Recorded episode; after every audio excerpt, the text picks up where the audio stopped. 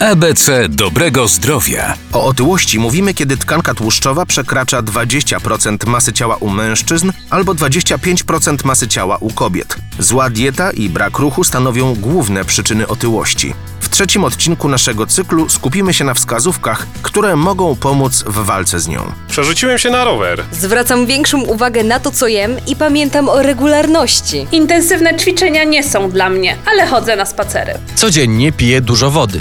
Ponad wszelką wątpliwość badania dowiodły już, że nawet jeżeli mamy predyspozycję do nadwagi i otyłości, taką wielogenową otyłość, to prowadząc zdrowy styl życia mamy pełne szanse, żeby utrzymać prawidłową masę ciała. Każdy z naszych pięciu posiłków to w połowie powinny być warzywa i owoce. To są produkty, które są niskokaloryczne. W drugiej kolejności pamiętajmy o tym, żeby pić wodę. I ta aktywność fizyczna codzienna. To może być spacer do pracy, to może być wejście po schodach zamiast korzystanie z windy. Ważne, żeby to było regularne i codzienne, bo codziennie, prawda, spożywamy jakąś ilość kalorii. Pamiętajmy też, że aktywność fizyczna jest też samodzielnym czynnikiem ochronnym, jeśli chodzi o ryzyko e, nowotworowe, niezależnie od masy ciała.